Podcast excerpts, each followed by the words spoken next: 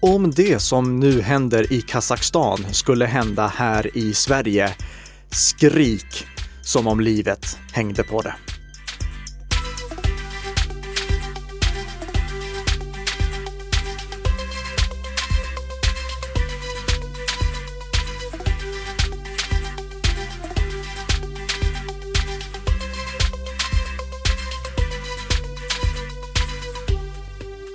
Ja, god morgon, god morgon och välkomna till Bli säker-podden som hade en, en, ganska allvarlig ton. Det brukar vi inte ha en så allvarlig ton precis i inledningen. Nej, men någon gång får väl vara den första. Ja, och det, det är ju en väldigt allvarlig sak som vi ska prata om i det här poddavsnittet, så det är väl lämpligt, även om vi kan ha lite eh, gladare morgonton så här när vi pratar om snabbisarna. Ja, precis. För det är ju det som vi brukar inleda den här podden med, som är producerad i samarbete mellan Nicka Systems och Bredband2 och eh, hostas av eh, mig, Karl-Emil Nicka och Tess Hamar. Som strax ska gå på semester. Ja, jag är så taggad. Mm. Men eh, innan dess så får vi väl hålla i ett avsnitt till va? Ja, absolut. Ja. absolut. Och jag tror att vi har ett gäng trevliga gäster också som kommer att fylla in för dig medan du är borta. Mm. Eh, som du då får lyssna in på istället för att prata. Ja, det ska bli kanske ganska skönt. Ja. ja. Men eh, ska vi kicka igång detta med några veckans snabba först? Det tycker jag. Eh, vi har ju nämnt det här förut, men nu har i alla fall Apple äntligen lyssnat och åtgärdat buggen vi pratat om så många gånger. Mm. Eh, det var ju den här buggen med Gatekeeper som gjorde att ett eh, specialpreparerat zip-arkiv kunde infektera Mac-datorer. Nu har de släppt en uppdatering så det är bara att installera den på din Mac så täpper du till det säkerhetshålet. Men med det sagt så tycker jag ändå att du ska fortsätta vara skeptisk till alla suspekta zip-arkiv som kommer. För även om den här buggen är åtgärdad så finns det anledning till att alltid fundera över vad som finns inuti zip-arkiv. Mm. Eh, kan vara värt att nämna också förresten att den här uppdateringen som nu kom till MacOS Eh, troligtvis är den sista uppdateringen som eh, släpps till MacOS 10.12, även känt som Sierra. Mm -hmm. Så om man fortfarande kör det operativsystemet så är det nu hög tid att uppdatera för Apple brukar underhålla de tre senaste versionerna av MacOS. Och nu i höst så kommer ju nästa version, MacOS Catalina. Och i samband med det lär de sluta underhålla eh, Sierra. Så om man fortfarande kör på Sierra, då är det dags att uppdatera sin Mac. Okej, okay, bra tips. Och det här är nog också faktiskt den sista uppdateringen som kommer till iOS 12. Eh, för det ligger inte någonting mig mer veteligen i eh, betakanalen för iOS 12. Så nästa stora uppdatering av eh, iOS den kommer ju i höst, iOS 13. Och det lär då ersätta iOS 12. För till skillnad från MacOS så underhåller Apple bara den senaste versionen av iOS. Mm. Så det kommer nog inte komma fler uppdateringar till iOS 12 och det innebär faktiskt att troligtvis så är det dags att byta mobiltelefon i höst. Och det, det, för några som har äldre mobiltelefoner. Så eh, ni som har en iPhone 5S, iPhone 6, iPhone 6 Plus, iPad Air och då ursprungsversionen från 2013. Eh, Apple har ju släppt en ny iPad Air sedan dess också. Eh, men gamla versionen från 2013, iPad Mini 2 och iPad Mini 3 om Apple inte går emot hur de har gjort tidigare och börjar underhålla två versioner av iOS parallellt, då är det dags att eh, byta ut de enheterna mot någonting nyare. Men alla enheter som är nyare än de jag nämnde, de kommer få iOS 13 och då också fortsätta få säkerhetsuppdateringar, vilket är det som krävs för att man ska kunna hålla sin iOS-enhet säker. Mm. Um, ny allvarlig sårbarhet i VLC Media Player finns inte. Nej, eh, den rubriken, förutom det där sista, finns inte. Det, det var det jag som skrev. Ja. Vi har ju tidigare pratat om eh, sårbarheter som har upptäckts i VLC. Och nu i veckan så rapporterades det om ytterligare en bugg som hade upptäckts, en eh, ytterligare en säkerhetsbugg i VLC Media Player, den här populära mediaspelaren. Eh, och jag skrev att eh, man eh, ska vara medveten om det och jag skrev också att man citat bör använda andra mediaspelare i väntan på en uppdatering och att åtminstone inte ha VLC som förvald mediaspelare. Står du fortfarande bakom detta? Nej. Nej. För den här informationen om den här säkerhetsbuggen, den har visat sig vara felaktig. Källan som rapporterade den ursprungligen hade fel. Mm -hmm. Och jag jag tyckte att det var en väldigt trovärdig källa, vilket alla andra som rapporterade om det här också tyckte. Det var nämligen tyska Certbund, en ja, koppling, federal någonting i Tyskland. Vår svenska motsvarighet till Certbund sitter på Myndigheten för samhällsskydd och beredskap. Så när, när de säger att det är en eh, säkerhetsbrist som är funnen, då, då, är det liksom en trovärdig källa i mina ögon i alla fall. Fram tills nu? Ja, Eh, det kan läggas till att eh, Mittre, de som ansvarar för den branschstandarddatabasen som finns över sårbarheter, de hade också eh, lagt in den här sårbarheten i sin databas. Så det, det, var liksom många saker som tydde på att det här var en bekräftad sårbarhet. Men eh, teamet bakom VLC, de eh, gick ut och meddelade att nej, det, det, här var en sårbarhet som fanns på tyska Certbunds dator som de testade med för att de inte hade underhållit den korrekt. Eh, mm. Och om inte någonting nytt framkommer jämfört med det som vi pratar om nu när vi spelar in så här på eh, torsdags förmiddagen, så är det här alltså en bugg som har rapporterats som felaktigt av flera, inklusive Nika Systems.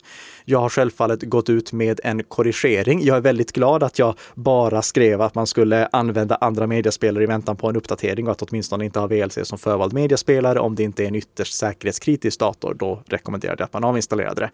Men om vi tar eh, medier som gärna jagar klick eh, för få annonsvisningar, då skrevs det ju helt andra rubriker. Till exempel Gizmodo skrev att man måste avinstallera omedelbart eh, den här mediaspelaren. Mm. Eh, vilket de nu då också får äta upp. Ja. Eh, och VLC-teamet själva, de är ju väldigt missnöjda med det här. Eh, de är missnöjda med Setbund, att de inte hade gjort sin research. De är missnöjda med Mittre för att de inte hade en diskussion med VLC-teamet innan de la upp den här säkerhetsbristen i databasen. Och de är missnöjda med medierapporteringen för att eh, VLC nu den här gången felaktigt har hängts ut för eh, en eh, säkerhetsbrist. De, de har ju mm. tidigare, vi pratat om det i podden också, haft säkerhetsbrister, men den här gången så var det inte en säkerhetsbrist. Så den senaste versionen av VLC som finns är den som är säker. Mm. Förra gången som vi rapporterade om VLC, då eh, poängterade jag ju också att VLC har ett inbyggt automatiskt uppdateringsverktyg, vilket är det som gör att förra VLC-buggen inte var lika allvarlig som den här WinRAR-buggen som vi har pratat om mycket om i år också. I och med att WinRAR inte har en inbyggd uppdateringsklient i sig. Så det är mycket mindre risk att man kör en inaktuell version av VLC än att man kör en inaktuell version av WinRAR. Ja, men eh, med det sagt så tror jag att eh, vi i alla fall har fått korrigera vår rapportering eller min rapportering så gott vi kan mm. eh, av det här. Och det var väl då slutet på veckans snabba? va? Ja, det var det. För veckans huvudämne kommer vi prata om Kazakstan och farliga certifikat. Mm. Och det här kommer vi även utnämna till eh, en extremt stor eh, veckans känga. Ja, veckans känga går definitivt till den kazakstanska staten, för de förstör internet. Precis. um, men innan vi kanske glider in på detta så kanske du kan bara beskriva lite hur så certifikat fungerar. Ja, ja vi, vi, får ta det från början helt och hållet. Mm. Ponera att du Tess går till en webbplats. Ja. Vi tar svt.se. Mm. Då ser du ett litet hänglås. Det gör jag. Som indikerar att det är en säker anslutning. Precis. Men varför tror du att din webbläsare litar på att det är en säker anslutning? Den eh, har väl något annat certifikat, tänker jag. Det finns precis, det, det finns ett certifikat för svt.se som går i god för att det här är svt.se, att det är mm. den webbplatsen som du faktiskt befinner dig på. Och det, det kan man väl också kolla va? Ja absolut, du, du kan klicka på eh, certifikat och om du till exempel i Chrome eh, klickar på hänglåset så kan du få information om det certifikatet. Mm. Men vet du varför din webbläsare litar på det certifikatet? Nej, inte egentligen. För att det certifikatet är signerat av Geotrust. Så okay. Geotrust går i god för att det är eh, äkta. Mm -hmm. Men varför litar din webbläsare på Geotrust? Ja, det vette 17. För att det certifikatet är signerat av DigiCert. ja, eh, många ler det här. DigiCert går i god för Geotrust som går i god för SVT. Okej. Okay. Men varför litar din webbläsare på DigiCert? Det vet jag inte heller. För att eh, i ditt fall, du, du kör ju en Mac. Mm. Och i MacOS så har Apple lagt in ett gäng så kallade rotcertifikat. Okej. Eh, och rotcertifikaten, de har Apple, alltså de, de, de ligger förinstallerade i MacOS när, när du liksom, eh, ja, startar upp din dator första gången. Microsoft gör samma sak med Windows. Där ligger också ett gäng rotcertifikat som kommer från företag som Apple och Microsoft bedömer att ja, nej, men de, de här företagen, de har koll på sina grejer och de kan vi lita på. Mm. Eh, sen så har det hänt någonting under de senaste fem åren. För 2014, då skedde endast en fjärdedel av alla webbplatsbesök över säkra anslutningar, över HTTPS-anslutningar. Mm, det var inte så många. Det var inte många. Nej. 2018 i september, då vände det och nu är det bara en fjärdedel som sker över osäkra anslutningar. Det är ju bra. Så över eh, tre fjärdedelar av alla anslutningar sker över säkra HTTPS.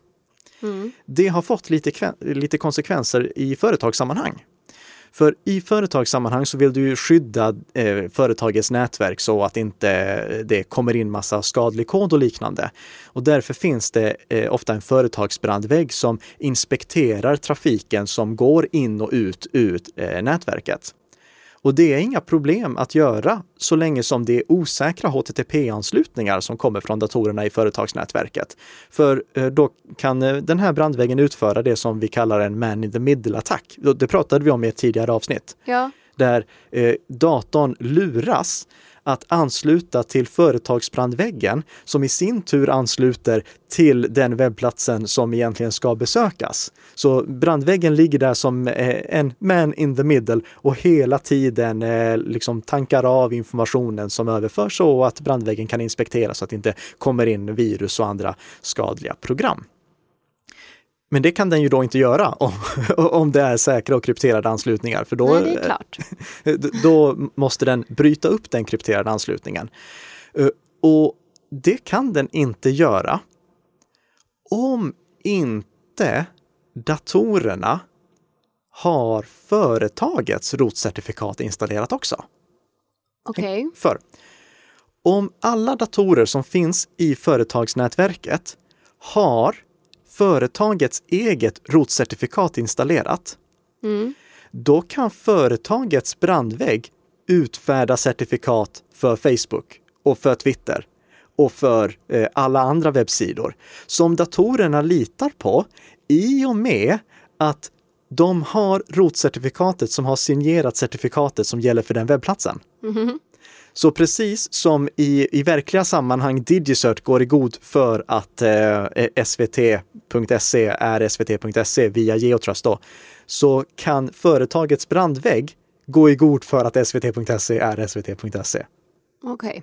Men det förutsätter att det certifikatet finns installerat på alla datorer. Mm. Om det inte är installerat och företagets brandvägg försöker utföra en sån här man in the middle-attack, då står det att det här är en kapad anslutning. Men med certifikatet installerat, då sker inte det. Och det här är någonting som är väldigt omdiskuterat huruvida eh, är bra eller inte. Eh, Det är ju bra på så sätt att eh, man skyddar företagsnätverket mot attacker i form av skadeprogram och liknande som annars hade kunnat slinka igenom. Mm. Men det är några som tycker att det är väldigt integritetskränkande och att det bryter mot hela idén mot den här certifikatskedjan. Jag tycker att det här är helt rätt att göra. För företagsnätverken måste kunna skyddas på något sätt och då är trafikinspektion en väldigt viktig del av det. Lägg märke till att jag sa jag tycker här, det var Ja. ett viktigt nyckelord. eh, så det, det är min åsikt i, i det hela. Det, det är någonting som ska ske där. Och eh, om någon säger, ja men tänk om jag gör privata saker på arbetsdatorn då? Pri, privata saker på arbetsdatorn? Aj, aj, aj. det ska du inte göra. Eh, Så jag tycker att om det är en arbetsdator, då- ska företaget få göra det här för att kunna, liksom, det, blir en väldigt viktig del av företagets skydd. Så det är helt okej. Nu kommer vi till problemet då. Mm. För vad händer ifall det här inte görs av bara företaget som du jobbar på, utan det görs av nationen som du bor i? Det är ju väldigt skrämmande. Och det är det som händer nu. Mm. Det, det, ska tilläggas att eh, jag, jag håller ju på att skriva på en skönlitterär trilogi. För att och, och, sälja in lite här. ja, nej, nej men det, det, är inte ens säkert att den kommer ut någon nej. gång, för det, det, har jag hållit på med i många år nu. Men det, här är ju en av de sakerna som händer i den här, i, den här berättelsen. Eh, men mm. hur som helst, vad är det som har hänt? Jo, i Kazakstan så har eh, kazakstanska myndigheter krävt av internetoperatörerna att de ska göra en sån här man in the middle-attack på alla webbanslutningar. Och de kräver att alla som bor, eller de sa först att det bara var någon i huvudstadsregionen, men troligtvis är det alla kazakstanska medborgare, mm, ska installera Kazakstans fina certifikat på mm. sina datorer så att det går att göra sådana här man in the middle-attacker på alla deras anslutningar. Det innebär alltså att Kazakstan kan bryta upp alla webbanslutningar, inklusive sådana som har lösenord, för alltså alla webbanslutningar, för att inspektera trafiken. Och det är då ett slut på det både säkra och någorlunda privata internet som vi har för alla som drabbas av det här problemet. Och det gäller ju de som bor i Kazakstan och de som kommunicerar med folk som bor i Kazakstan. Mm. Kazakstan själva hävdar ju att det här är eh, inte alls för att de vill spionera på sina medborgare. Nej, nej, nej, de ska nej, skydda nej. medborgarna ju. Kan ni få för er någonting sånt? Eh, utan det här är ju eh, enligt eh, ZDNets översättning aimed at enhancing the protection of citizens, government bodies and private companies from hacker attacks, internet fraudsters and other types of cyber threats. Men det är bara ren bull inte någonting annat. Det här är bara spionage på medborgare och inte någonting annat. Mm. Så den metoden, alltså att bryta upp eh, anslutningar för att kunna inspektera för för att kunna liksom se att det inte kommer in skadeprogram och liknande. Det är helt okej okay att göra enligt mig i företagssammanhang, för det är ju då bara någonting som berör företagsnätverket, inte någonting som berör någonting privat överhuvudtaget. För du ska aldrig någonsin tro att en företagsdator är privat. Du kan inte göra någonting privat på en företagsdator. Det, det måste du bara utgå från. Men det är ju en helt annan sak när det här sker på nationsnivå. Men hur mycket liksom kan de se egentligen? Allt! Allt, allt, allt. Det är, vi, de, de skickar tillbaka hela nationen till tiden då vi bara hade osäkra internetanslutningar. Mm. Eh, eh, eh eller osäkra webbanslutningar ska jag säga, för yeah. det här berör webbläsare specifikt. Eh, och eh, då kan ju några tänka, ja men det gick ju bra på den tiden. Ja, men på den tiden så hade vi inte sociala medier på samma sätt. Vi använde inte internet på samma sätt. Vi, eh, vi hade inte med oss mobiltelefoner som spårade precis vart än vi går. Vi mm. kommunicerade inte via chattappar. Det, det liksom, vi skickas tillbaka till eh, tidigt, eh, vi skickas tillbaka till 90-talet men med ett användarbeteende som är 2019. Så, ja, ett rejält äh, övertramp Ja, och, och, jag kan ju säga, om man tyckte att George Orwells 1984, eh, vad hette nu den här tvn som alla hade? Eh, tvn? Ja, tvn som alla hade i 1984-boken. Eh, oh. Jag har glömt vad den hette. Teleman, någonting sånt. Eh, men det här är mycket, mycket värre. För det här är liksom, det här är inte bara spionage på folk i hemmet, det här är spionage på allting som sker. Det, det, det är så vansinnigt att jag, jag saknar ord för det. Men alltså detta har ju då hänt i Kazakstan 2015 också, eller de försökte i alla fall med detta då. Ja, och, och då gick det inte lyckligtvis. Och det var ju på grund av att ISP och eh, andra organisationer och sånt gav lite så här, lite upprop. Ja. Eller upprop. upprop. Eh, och, och jag skulle ju säga att om vi i västvärlden någonsin hör de här orden uttalas, installera vårt operatörscertifikat för att få säkrare anslutningar. Eller installera vårt Sverige-certifikat eller installera mm. vårt EU-certifikat så att vi kan skydda dig mot attacker. Hör ni någon gång någonting sånt? Skrik så mycket ni bara orkar, för det är slutet på det privata internet om ni någonsin skulle höra det. Det är massövervakning på en nivå som ingen någonsin har skådat tidigare. Och Kazakstan har tagit första steget mot det. Men har inte liksom så här webbläsarna, alltså utvecklarna bakom dem, någonting att säga till om Eh, här? Jo, och det diskuteras nu. Det eh, Google och Mozilla och troligtvis Microsoft också eh, diskuterar väldigt mycket nu. Hur i hela friden ska vi göra? För Mm. webbläsarna kan göra en jättelätt sak. Eh, de kan bara kolla, är det här ett cert- certifikat eller är det här ett fake Kazakstan-certifikat? ah, det är ett fake, Kazaks eh, fake Kazakstan-cert. ja, Svårt Okej, att bra, då spärrar vi det. Det spärrar Ja. alla anslutningar. Eh, men det finns problem med det. Mm. För vad kommer, eh, alltså i, i och med att eh, kazakstanska myndigheter har bestämt sig för att faktiskt få igenom det här, vad kommer de göra då? Ja, då kommer de säga, ja, men för att kunna komma åt internet så måste du installera eh, eh, Kazakstanium, vår webbläsare, eller Mm. Kazakstanifox som är vår webbläsare. Eh, För både Mozilla Firefox och Google Chrome bygger ju på öppen källkod. Ja. Så de kan bara ta och hitta på sin egen version av webbläsaren där de säger till alla medborgare att installera det här. Eh, Men, och, och, och det hade ju i så fall blivit ännu värre. Ja, såklart. ja, det är ju liksom, det är inte bra för an- det är ändå, ja, i slutändan är det ju användaren som verkligen hamnar i kläm här. Ja.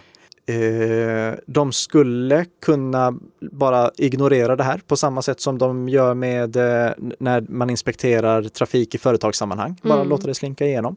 Eh, men då låter de ju också, alltså de som faktiskt har makten att varna medborgarna, de, de tar inte det tillfället i akt i så fall. Eller så skulle de kunna göra som så att de, du vet, man, man kan säga att det är en osäker anslutning eller en säker anslutning. Mm. Man, man skulle kunna eh, ha något mellanting där också så att det indikeras det här är en, av, det här är en spionerad anslutning. Det finns någon, någon som undersöker eh, trafiken som går här igenom. Och det skulle jag säga, det är kanske bra att ha även i företagssammanhang. Det kan vara bra för medarbetarna att veta att det här är en avlyssnad, eh, avlyssnad anslutning. Mm. Så Eh. om det är någonting man är rädd om eller ska utföra privata saker Pre- så precis, så, kanske... att- så att man förstår, jag ska Ja. inte göra privata saker på den här. Precis. Eh, vi, vi får se var det här hamnar. Eh, det viktiga, eh, det är egentligen enligt mig bara att vi eh, rapporterar om det här och att vi pratar om det. Läs jättegärna artikeln som vi länkar till på ZDNet. Eh, för det här är någonting som fler måste känna till. Det här får inte hända. Nej, sprid gärna ordet i och med att det är ganska tyst om det i, svenska medier i alla fall. Ja. Mm. Sen så skulle jag vilja tipsa om en sak till. Eh, b- egentligen det här gör jag mest för att reta Kazakstan. Utifall Okej. det skulle finnas någon Kazakstan eh, Om vi hade det nu här. Det finns vissa saker man kan fejka med certifikat, det finns andra saker man inte kan fejka. Du, du, du minns den här serien jag berättade om precis när vi gick in på det här, att vi har eh, ett certifikat för SVT som Mm. är signerat av Geotrust som är signerat av eh, DigiCert. Ja. Det certifikatet har på grund av hela den kedjan ett unikt fingeravtryck. Det, det är en lång textsträng bara. Okej. Den textsträngen kan inte Kazakstan eller arbetsgivaren eller någon annan få till att bli exakt samma när de signerar certifikatet för den webbsidan. Deras signatur på det certifikatet eller det fingeravtrycket på certifikatet kommer alltid att se lite, eller mycket annorlunda ut till och med. De kan inte få det till att bli identiskt. Så vad innebär det då? Det innebär att om du skulle vilja undersöka huruvida din anslutning är kapad eller inte, Ja. Då kan du ta och kolla certifikatets fingeravtryck i din webbläsare och prata med någon som du inte eh, tror är drabbad av avlyssning på samma sätt och jämföra fingeravtrycket med certifikatet i hans eller hennes webbläsare. Om det är samma certifikats fingeravtryck, då vet du, ja okej, jag, jag utsätts inte för en man in the middle-attack. Men om det är olika, då är det hög, eh, då är det med stor risk en man in the middle-attack som sker. Mm. Och det, kära Kazakstan, kommer ni aldrig kunna göra någonting åt. Okej. Rent matematiskt, ni kan inte göra någonting åt det, det är Nej. omöjligt. Ja. Eh, så i alla fall någonting som man kan använda för att undersöka om man blir spionerad på eller inte. ja, men det var väl bra tips. Eh, ska vi gå över nu från veckans känga där? Mm. Till veckans lyssnarfråga. Det tycker jag. Vi har fått in en eh, lyssnarfråga från eh, en som heter Thomas via Facebook och han skriver följande. Jag har en jobbdator som jag inte är admin på och därigenom inte kan installera tillägg i webbläsaren, till exempel LastPass. Jag har läst att man kan ladda ner sitt lösenordsvalv till ett USB-minne och använda det därigenom. Är det en bra lösning eller finns det något bättre? Eh, det här är någonting som eh, man ofta upplever i företagssammanhang när man inte är administratör på sin egen dator. Då kan man inte göra vad som helst just för att inte användare ska råka eh, infektera sin dator av, av misstag. Jag skulle säga att det bästa här, det är att prata med den som är systemadministratör för eh, datorerna Eh, och be om att få använda LastPass i webbläsaren. För så som vi har varit inne på tidigare så är LastPass väldigt bra också för att avslöja nätfiskeattacker. När du lagrar ett lösenord i LastPass, då kopplas det ju till den webbplatsens adress, alltså den domänen som webbplatsen har. Eh, om jag skulle vilja logga in till exempel på facebook.com, då kommer LastPass bara fylla i lösenord om jag är på facebook.com. Om jag skulle vara på facebook.com felstavat för att det är nätfiskattack som försöker utföras mot mig, då kommer LastPass säga jag har inga lösenord som jag kan fylla i på den här webbplatsen. Mm. Så eh, det, det, är ett bra extra skydd att man har eh, lösenordshanteraren oavsett om det är LastPass eller någon annan i webbläsaren. Okay. Det finns nackdelar med det också som vi har pratat om i tidigare avsnitt, men jag rekommenderar att man har det. Eh, och läs jättegärna mer om det i Bli säker-boken också om ni vill veta vilka inställningar och sånt jag rekommenderar. Men det, det har vi pratat om tidigare, så låt oss gå vidare. Eh, om inte det är möjligt, då finns det en app till Windows som du kan eh, köra från ett USB-minne utan att ha administratörsrättigheter på din dator. Och den appen, eh, där kan du ha ditt lösenordsvalv eh, nedladdat så du kan ha med det överallt. Du behöver alltså inte ens ha internetåtkomst för att komma åt det. Och det är ett bra komplement att ha. Så att du, om du skulle behöva starta upp ditt eh, LastPass-valv från en dator som du kontrollerar, för du ska aldrig göra det på en dator som du inte kontrollerar eh, av säkerhetsskäl. Alltså, alltså öppna aldrig ditt LastPass-valv på en kompis dator eller någonting sånt, utan bara på din egen dator som du litar på. Eh, då kan du komma åt dina lösenord därigenom. Eh, den appen eh, är gratis att ladda ner också, så vi kan lägga med en länk till det. Eh, de lägger tyvärr inget större fokus på den. Alltså Logmin som ligger bakom LastPass numera, de verkar ha glömt den appen så den fungerar Alltså den, den, fungerar men den är jätteful. Alltså om, om ni tycker LastPass är fult rent allmänt så är det ingenting mot vad den appen är. Den ser fruktansvärd ut. Eh, men eh, den, den, kan vara ett bra alternativ att, eh, att ha i sådana här sammanhang. Eh, absolut. Så den kan du använda eh, för att lösa just det här problemet. Men jag hade rekommenderat att istället prata med systemadministratören angående huruvida ni kan få ha LastPass i webbläsaren och gärna då också eh, företagsversionen av LastPass så att alla i organisationen har möjlighet att ha sina lösenord lagrade på ett säkert sätt. Eh, det, det, är den lite eh, mer tidskrävande lösningen. Eh, och i, i korta, i, i, det mer korta perspektivet så kan du använda den här fula appen för att lösa just det problemet. Mm, härligt! Hoppas Thomas blev eh, glad för det svaret. Mm. Och för Bli säker-boken som kommer på posten som tack för att du bidrog med veckans lyssnarfråga. Ja, mm. och det kan ju även eh, ni andra som lyssnar göra. Absolut. Det är bara att skicka in via sociala medier till antingen Bredband2 eller Nika Systems. Mm. Och om frågan har, eh, om den är av intresse för en större allmänhet än bara just dig som frågar, eh, så kommer den med högsta sannolikhet att komma upp som veckans lyssnarfråga. Jag, jag svarar på alla frågor som kommer in oavsett vad, eh, men eh, det är inte alla vi tar upp i podden av mm. förklarliga skäl. Mm. Och nu är det dags för dig att gå på semester.